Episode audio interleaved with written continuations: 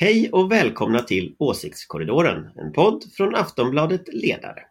Och idag ska vi prata lite om året som har gått, lite om vad man ska göra med Jimmy Åkesson när han har satt honom i båten och så ska Ulrika komma med lite teorier om 2006 igen. Välkomna! En podcast från Aftonbladet Ledare. Åsiktskorridoren.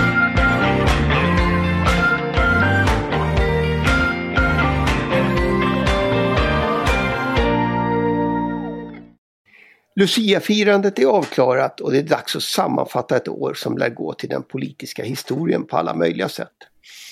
Eh, med mig för att göra det har jag en liten eh, och lite reducerad tomteverkstad men den innehåller i alla fall några av landets mest erfarna politiska analytiker.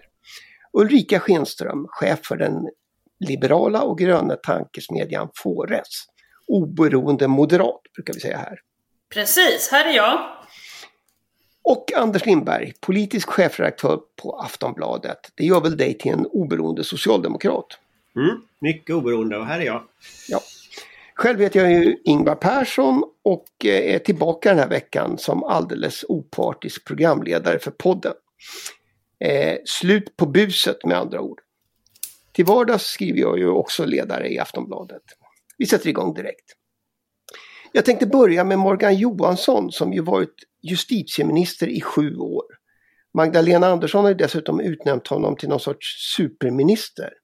Och när han i helgen skulle förklara misstagen bakom dagens brottslighet så började han i mc-kriget på 90-talet. Jag tänker inte fråga om Johansson har rätt, men hur länge kan en politiker lägga ansvaret på sina företrädare, Ulrika? Nej, men alltså jag tycker att eh, ingen politiker behöver hålla på sådär, utan är man statsråd så ansvarar man här och nu. Och då är det väl bättre att visa på ledarskap och att man eh, vill göra saker än att man håller på att köra. Även om det, även om det är företrädaren som har, eh, har gjort fel så tycker jag att man ska vara lite mer vuxen och eh, så och säga att ja, nej men vi har hamnat i den här situationen, det spelar ingen roll, men nu är vi här och därför tycker jag att det är bättre att vi pratar om vad vi kan göra åt den här saken än att gnälla på andra. Men det förekommer, eller hur Anders? Ja, jag tycker nog tvärtom. Jag tycker alltid man ska skylla på sina företrädare. Eh, nej, men man ska... Man ska Såklart du tycker så Anders. Nej, men man ska självklart. sätta in saker i sitt sammanhang. Alltså, politiken måste få vara komplicerad. Eh, för det, är lite så, nu får man lite intryck av att allting som händer liksom nu, det har sin orsak nu. Och så är det ju inte. Det finns ju ofta en förhistoria. Och om man tar just de här frågorna som gängen eller eh, flyktingpolitiken eller integrationspolitik eller vad det är som är stort. Så är det ju typ, typfrågor som tar väldigt, väldigt många, många år. Det finns många kockar som är inblandade. Man har lärt sig av det. Vissa saker har funkat, andra saker har inte funkat. Och, och då, då tycker jag det liksom är naturligt att man sätter in det i sitt sammanhang. Sen så ska ju precis som Ulrika säger, politiker ska inte skylla ifrån sig så. Men jag tycker politiken är lite, den blir lite platt om man liksom låtsas att allting beror på saker som händer nu. Ja, fast det är inte, alltså orsaken om vi tar eh, brottsligheten och gäng, eh, gängbrottsligheten och så, det, det är ju, det är ju, har ju, det är massor med regeringar som ligger bakom eh, att detta eh, inte fungerar. Så att jag tänker, var lite framåtsynt istället för att och, och, och göra någonting åt saken istället för att hela tiden titta bakåt. Det är ju, jag tror ju att jag tror till och med att, att väljarna skulle tycka att det var ganska skönt att någon sa så här, det är många som bär eh, liksom ansvar för den situationen vi har idag. Men jag tänker att vi lägger det bakom oss och sen så tittar vi framåt och gör någonting ordentligt utav det här. Och sen tänker om det fanns politiker som gick ut och sa, vi har gjort fel. Nu har vi kommit på att vi har gjort fel, så nu gör vi om och gör rätt. Nej, menar, det är ju precis i vilket yrke som helst så blir det fel ibland. Och då gör man om och gör rätt. Jag fattar inte varför det är ett sånt stort problem för politiker att inte kunna gå ut och säga vi gjorde fel. Men ni tillämpade ju den taktiken.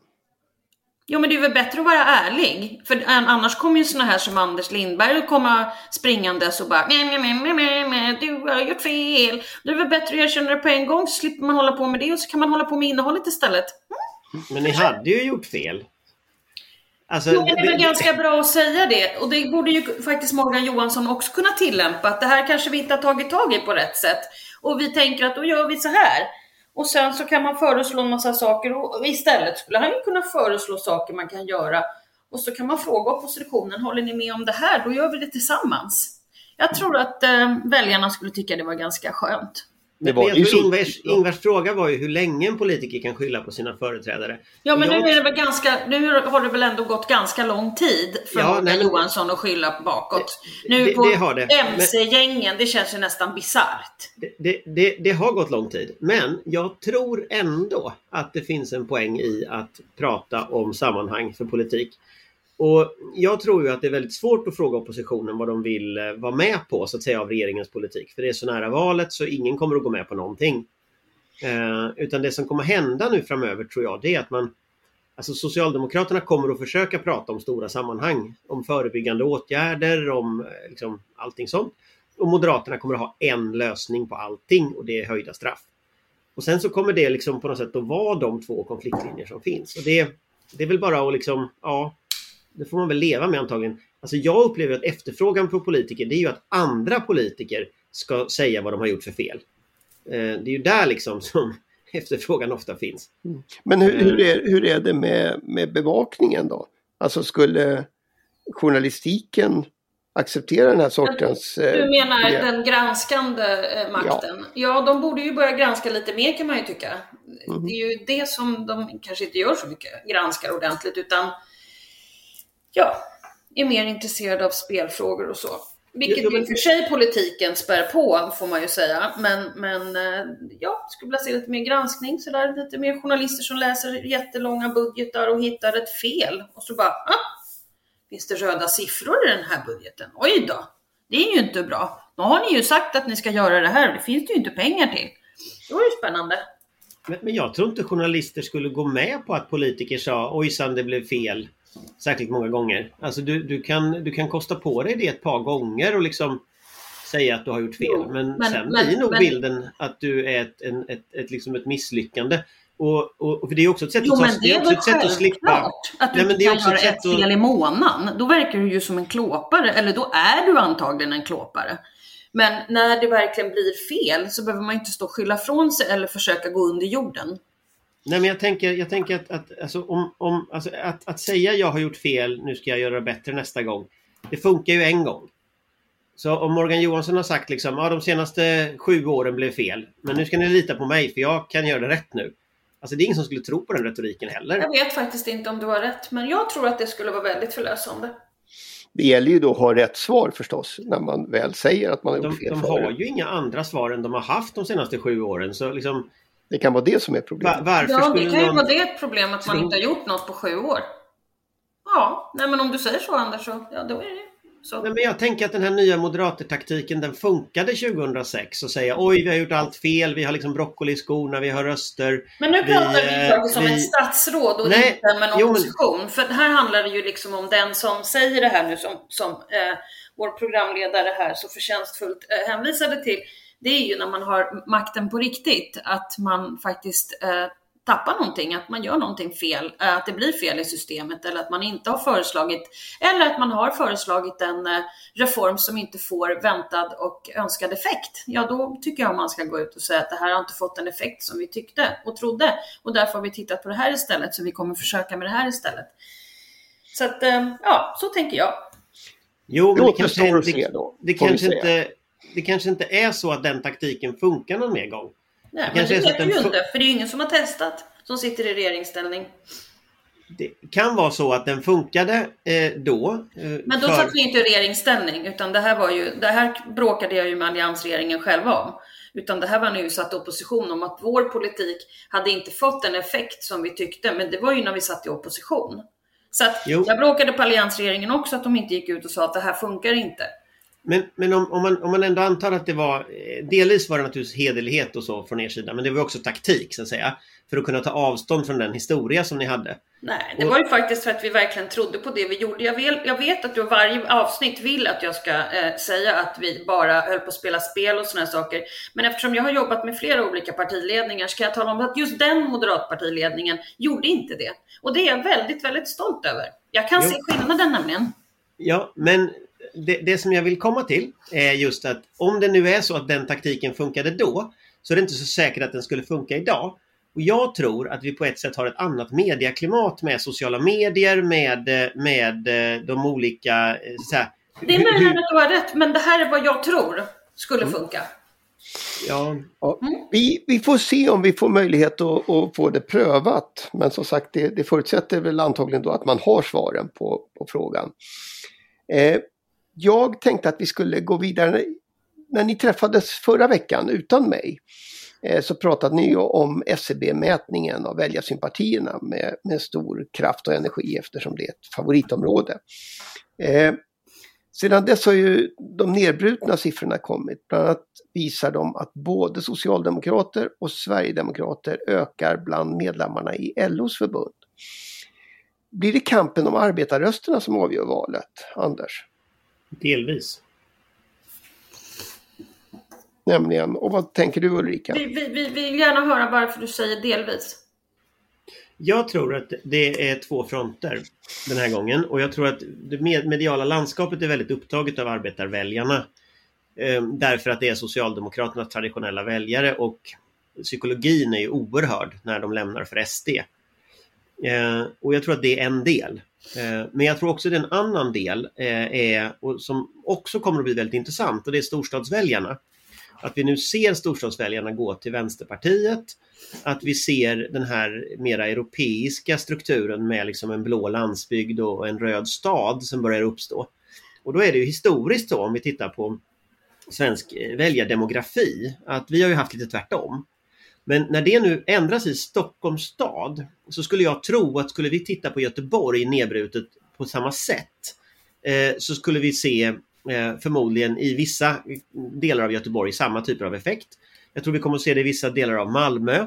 Och jag tror det är en tidsfråga innan mellanstora städer, Jönköping, Linköping. Jag Eh, vet att man ser det redan i Uppsala. Man ser det i Uppsala. Ja, man ser det i Uppsala, men jag, jag är också ute efter när man börjar se det i även Lund. Västerås. Lund, Ja, men, ja, men det, det är ändå universitetsstäderna. Men när man börjar se det i Örebro, Västerås, Karlstad Karlstad. och hela den liksom klustret.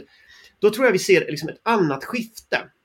Och det skiftet är att eh, SD börjar ta ut sin rätt i en ganska stor grupp av det som historiskt var mellan, mellanskiktet och, och marginalväljarna.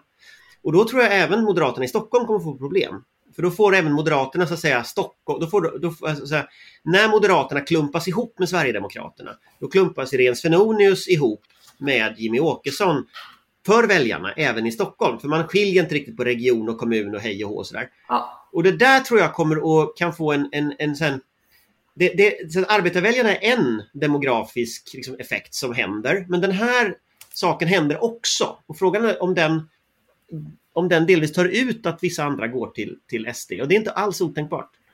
Nej, men alltså jag ser samma utveckling som du gör. Eh, och det har, jag, har vi ju sett länge att vi börjar bli mer som en eh, europeiska, så att mera, mera mitten-vänster i, i, eh, i själva städerna i innerstan och sen lite annorlunda utanför. Och den, den utvecklingen har vi sett länge. Men nu får du ju ändå komma ihåg att jag är inte så säker på, jag vet ju att du vill ju kleta ihop Moderaterna med SD, så jag förstår ju att du tänker så. Men nu är det ju trots allt Alliansen som styr både i Stadshuset och i, i eh, regionen eh, med hjälp av MP. Så att det, det är inte riktigt så det funkar här nu. Men jag tror ändå att du har helt rätt i, och det har inte med Sverigedemokraterna att göra, jag tror att Moderaterna kan i Stockholms stad till exempel ha stora problem med flöden som går mot eh, eh mera Centerpartiet. Och eh, det såg man inte just nu i SCB, men om du tittar i senaste Novus och Ipsos så visar det sig att flödet går så. Eh, och jag tror att eh, det kan finnas eh, även flöden från Moderaterna på grund av att man är förbannad på MP. Så att det, det är ett dubbelproblem där som man ser flödena.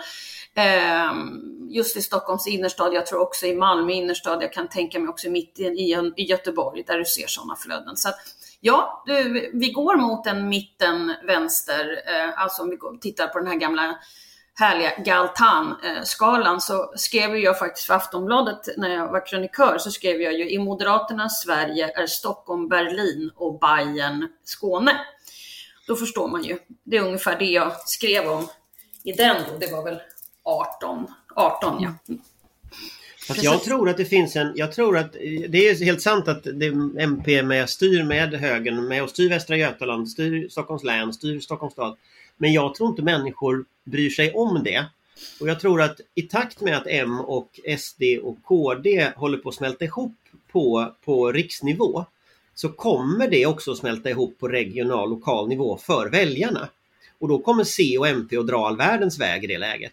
Men jag tror inte Eh. riktigt att vi är där än, för det är just därför flödet från Moderaterna i Stockholms stad går från Moderaterna mot Centern, förut även Liberalerna. Mm. Eh, för att, men sen så gjorde ju Liberalerna sitt val, så att eh, då blev det ju annorlunda. Ja, fast tittar man på senaste SCB så ser man faktiskt det flödet, ja. Men om de partierna analyserar situationen på rätt sätt, det vill säga att Moderaterna blir allt mer toxiska, då kommer de att dra. Och då kommer MP att försvinna från Moderaterna eh, i eh, Stockholm. Eh, och i det läget så kommer du att skapa en helt ny väljardemografi. Ja, men absolut, men så är det ju. Eh, det tror jag inte alls ligger... Ja, nej men och det ligger inte så långt bort alltså. Och om jag hade varit moderat i Stockholm så hade jag ju protesterat mot den här SD-strategin på riksnivå. Därför att det är klart, det den ju- funkar i Skåne men inte här. Ja, men det, det har ju även Anna König faktiskt trots allt gjort. Jo, men hon har inte lyckats nå vidare. Nej, det kan man säga. Men hon har gjort det. Jag måste, jag måste dels eh, notera en sak och det är ju just att eh, Miljöpartiet verkar ju vara ett, en besvärlig samarbetspartner för alla som, som försöker samarbeta eh, just ur väljarperspektiv. Och sen måste jag också säga då för att det ska vara, bli alldeles rätt att både Karlstad och Örebro är ju numera universitetsorter. Ja, det är det. Ja, jag ska inte, jag ska inte gå dit eh, Expressen har gått. Eh, det har ni rätt i. Eh, men, och säga att det inte är riktiga universitet och sådär. Men, Nej, gör men, inte det. Men, nu. så jag ska inte göra det. Men, men vad jag menar med Lund och Uppsala är att Lund och Uppsala på väldigt många sätt är Stockholm. Och det är ännu inte eh, Karlstad och Örebro och Västerås. Västerås kanske lite grann. Jag tycker inte vi ska prata så här Eh. illa om Karlstad. Så jag, Nej, men- det, men- det är väldigt, väldigt, väldigt fin kärna i Karlstad. Det, det är väldigt fint i Karlstad. Men vad jag menar är att när det har hänt i Stockholm så får det inte en sån stor effekt. Men när det har spritts ut och också syns i Växjö, Jönköping, Karlstad, Borås. Då får du en typ av väljardemografi som blir jätteproblematisk för högern. För då har högern liksom dratt ut i högerkanten, struntat i marginalväljarna och sen så ska de liksom komma tillbaka från den positionen och säga att liksom, vi skojar bara det här med SD, vi menar inte det. Det är en skitsvår position att hamna. Ja, absolut. Absolut, men nu har de ju tagit den här äh, fan i båten så då får de väl ro den i land då. Ja, det lär bli ett ämne vi får återkomma eh, Den som satt Jimmy i båten får ro honom i land. Jag, tänk, jag tänkte vi skulle hinna med ett, eh, eller ja, egentligen två ämnen till. En, en liten, eh, igår kom det ju siffror från Arbetsförmedlingen. Man kan diskutera hur man har mätt och sådär men eh, de visar ju i alla fall att arbetslösheten faktiskt sjunker och att jobben är fler än före pandemin. Eh, och som jag minns det när vi satt i den här panelen för ungefär ett och ett halvt år sedan Eh, så var vi ju alla rätt oroade över hur covid skulle slå mot ekonomin och inte minst jobben då. Eh, om det nu inte är så, vem ska ta åt sig äran? Ulrika? Ja, vem ska ta åt sig äran? Ja, alltså det kanske är så att den här coronastrategin eh, var eh, rätt eftersom vi inte stängde ner så att vi ändå höll saker och ting i, eh, igång. Så det var, det var bra. Då får, då får ju Anders eh, plus i kanten och den regeringen eh, som har dragit i det här, om det nu håller hela vägen ut. Så, att, eh, så får man väl ändå säga. Rätt ska väl vara rätt liksom så att säga. Eller ska du- det vara Folkhälsomyndigheten? Ja. Så det är Anders Folkhälsomyndigheten. Tegnell, kan, Anders Tegnell är ju poppis liksom. Ja, han var jättepoppis, sen blev han inte poppis alls. Jag Kan, vet kan jag inte, inte vad heter riktigt. Johan Giesecke? Kan inte han Gud, få var är äran? han? Var är Johan Giesecke någonstans? Jag saknar honom lite faktiskt. Nej men jag vet inte, jag skulle ju, den jag skulle ge äran till detta det är nog Magdalena Andersson ganska mycket. För att hon orkade driva igenom alla, alla de här expansiva ekonomiska paketen. Eh, lite emot sina egna eh, instinkter. Jag menar, hon är ju egentligen en, en, en politiker som är väldigt negativ till att driva expansiv ekonomisk politik, eller var förr i alla fall. Hon kallade sig ju själv väl Europas snålaste, snålaste finansminister. Och nu har hon bara blåst på. Så det är klart man ska vara glad om man har en snål finansminister egentligen, men nu drog hon ju igång. Men det var ja, men det, kanske är liksom, det var väl det som gjorde den här skillnaden. Liksom, att, hon, att, hon, att hon gjorde det. Och sen var det ju bred politisk enighet. Så det var ju inte liksom bara regeringens förtjänst. Utan det gjorde ju hela riksdagen. Och inte minst januariöverenskommelsen hade det här varit möjligt utan liksom en, en eh, majoritet bakom budget. Nu var det inte en majoritet ändå. Men... Eh, Budgeten hade inte varit möjlig utan majoritet, nej det hade den absolut inte. Men, men, men det, det, jag skulle säga att det är inte så att andra partier har röstat mot de här extra budgeterna heller på det sättet. Så att det, det, det är liksom det, det är nog så att Sverige är, det är väl svära i kyrkan, men är ändå ganska bra på att hantera kriser.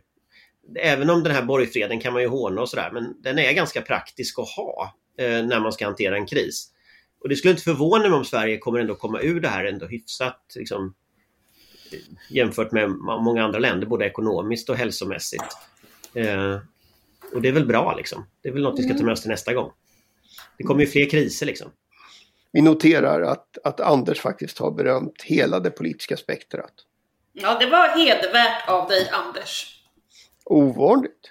Mm, Ja. Nej, men det är ju nog så. Jag, tror, jag, tror, jag är lite sån tråkmåns så att jag är anhängare av borgfred när det är kris. Jag tycker det är bra om politikerna samarbetar när det är kris. Jag Det håller jag helt med centralt att det för, för att funka. Jag tror en, en del av det som vi ser här i Sverige är ju faktiskt att man gjorde det från början. Ja. Det, det där är väl det perfekta tillfället när det, när det råder, råder viss sämja i panelen. Eh, att gå vidare då till det som jag tänkte skulle bli den sista punkten. Jag tänkte be er eh, berätta vad ni tar med er från det politiska året 2021. Ulrika? Oj. Oj. Kan inte Anders börja? Jo, det tycker jag. Alltså jag tar ju med mig att jag trodde sossarna skulle vara körda inför valet 2022. Först trodde jag det för att de såg så trötta och ledsna och sönderregerade ut. Sen trodde jag det för att Vänsterpartiet fällde regeringen. Och sen så kände jag mig i somras som att det här kommer bara gå åt fanders liksom. Och sen så ritade Stefan Löfven i sitt sommartal om hela den politiska kartan. Både att han avgick själv, att han, eh, eller att Magdalena Andersson sen blev vald, men sen också att det släppte fram en massa nya idéer i, i socialdemokratin. Och nu har man styrfart framåt plötsligt. Så från att vara helt uträknade så blev det ändå någonting som ser ut att kunna att det är väl fortfarande, jag menar Kristersson har väl fortfarande störst chans att bli vald men, men det är liksom inte kört för, eller för, för sossarna längre. Det tar jag med mig, att den vändningen tycker jag var inte intressant politiskt. Partiledarskiftet. Partiledarskiftet men sen också den här för det såg ju rätt mörkt ut. Jag menar, när vi gick in i sommaren så hade vänsterpartisterna fällt regeringen. Eh, Januariavtalet hade gått all världens väg. Det fanns ingen majoritet för en budget. Det var liksom fullkomligt rökt. Och sen vände trots allt de det till någonting som ändå finns en chans. Ja, Vändningen. Ja, nej men alltså det där är ju naturligtvis eh, det största. Eh, jag tycker dock att, jag tar också med mig att jag tycker att det är så outhärdligt med alla de här missförtroendevoteringarna, med, med det här superspelet hela tiden. Jag tror att väljarna har varit eh, helt eh, förvirrade och undrat vad man håller på med egentligen. Jag tror inte det har gagnat gagnat eh, politiken, utan jag tror bara ökat politikerföraktet om jag ska vara riktigt ärlig. Folk tror ju inte riktigt att de här är kloka. Sen får man ju ge en eloge, åtminstone så här långt, till, till de som har planerat Eh, eh, ja, partiledarbytet i Socialdemokraterna, som ju faktiskt var en stor game changer totalt. Eh, och eh, jag tror att man har planerat det här länge. Jag tror inte att det var någonting som man bara kom på över en natt, utan jag tror att det här har varit eh, en plan länge och den gick väl än så långt i alla fall. Så att eh, det får man ju ge eh, eh, arkitekterna, vilka de nu är, eh, en eloge. Jag tror det är en kille som heter Stil- Stefan som är arkitekten. Stilpoäng till det. Ja, men då är det Stefan. Kanske någon annan, jag bryr mig inte, men stilpoäng till det. Ja. du har en viss tilltro till politiska arkitekter ändå. Ja, jag vet ju att det finns folk som faktiskt kan riktigt bra saker. Det får man ju ändå sådana ska man ju se upp till eller, eller respektera. Det är ju ett, det är ju en konst i sig. Men sen en annan sak tycker jag man kan ta med sig från 2021 eh, som liksom ändå är intressant så. Det är ju att vi har ju under hela 2021 så har vi haft coronapandemi. Alltså, man trodde ju där i början av 2020 när det här började så tänkte man att ja, men det tar några månader och sen så kommer det väl, försvinner det väl. Och sen så tänkte man att ja, men det kanske tog över hösten och sen så i, nu eh, här i, i, hösten nu så kommer ju allting igång igen. Så tänkte man ja, men nu, nu är det väl kanske äntligen över.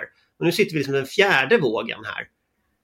Så, så när vi tänker tillbaka om några år på den här perioden, då tror jag att det här politiska spelet sånt där, det har flutit ihop i en enda röra. Och sen, det här var liksom pandemin på något sätt. Uh, och den lär väl fortsätta, den kanske blir tvåårig liksom pandemin, eller treårig via fasa. Men, men alltså, just nu så känns det ju som, när vi pratar här nu, igår så flashade Folkhälsomyndigheten ut att nu kommer det nya restriktioner snart, som en liten teaser så. Liksom. Så att, ja. ja. Det blev väl liksom ett pandemiår till att lägga till bokföringen. På oss. Det kan man tänka sig. Som sagt, eh, det där har varit 2021 på gott och ont och det här är den sista åsiktskorridoren eh, det här året. Jag vill verkligen tacka panelen som har kämpat igenom både tekniska komplikationer och, och alla möjliga svårigheter. Eh, restriktion, teknik och politiska turer som vi inte trodde vi skulle råka ut för. Eh, tack Ulrika och tack Anders. Eh, och tack till de som inte är med just idag. Då. Jag vill förstås också tacka dig som lyssnar. Eh, det är för er vi gör podden. Och valåret 2022 så är vi tillbaka med nya analyser och nya synpunkter. Tack så mycket! Hej, God hej. jul och gott nytt år önskar vi också alla. Just det. Förstås. God jul, gott nytt år. Tack, hej. Hej, hej. En podcast från Aftonbladet Ledare. Åsiktskorridoren.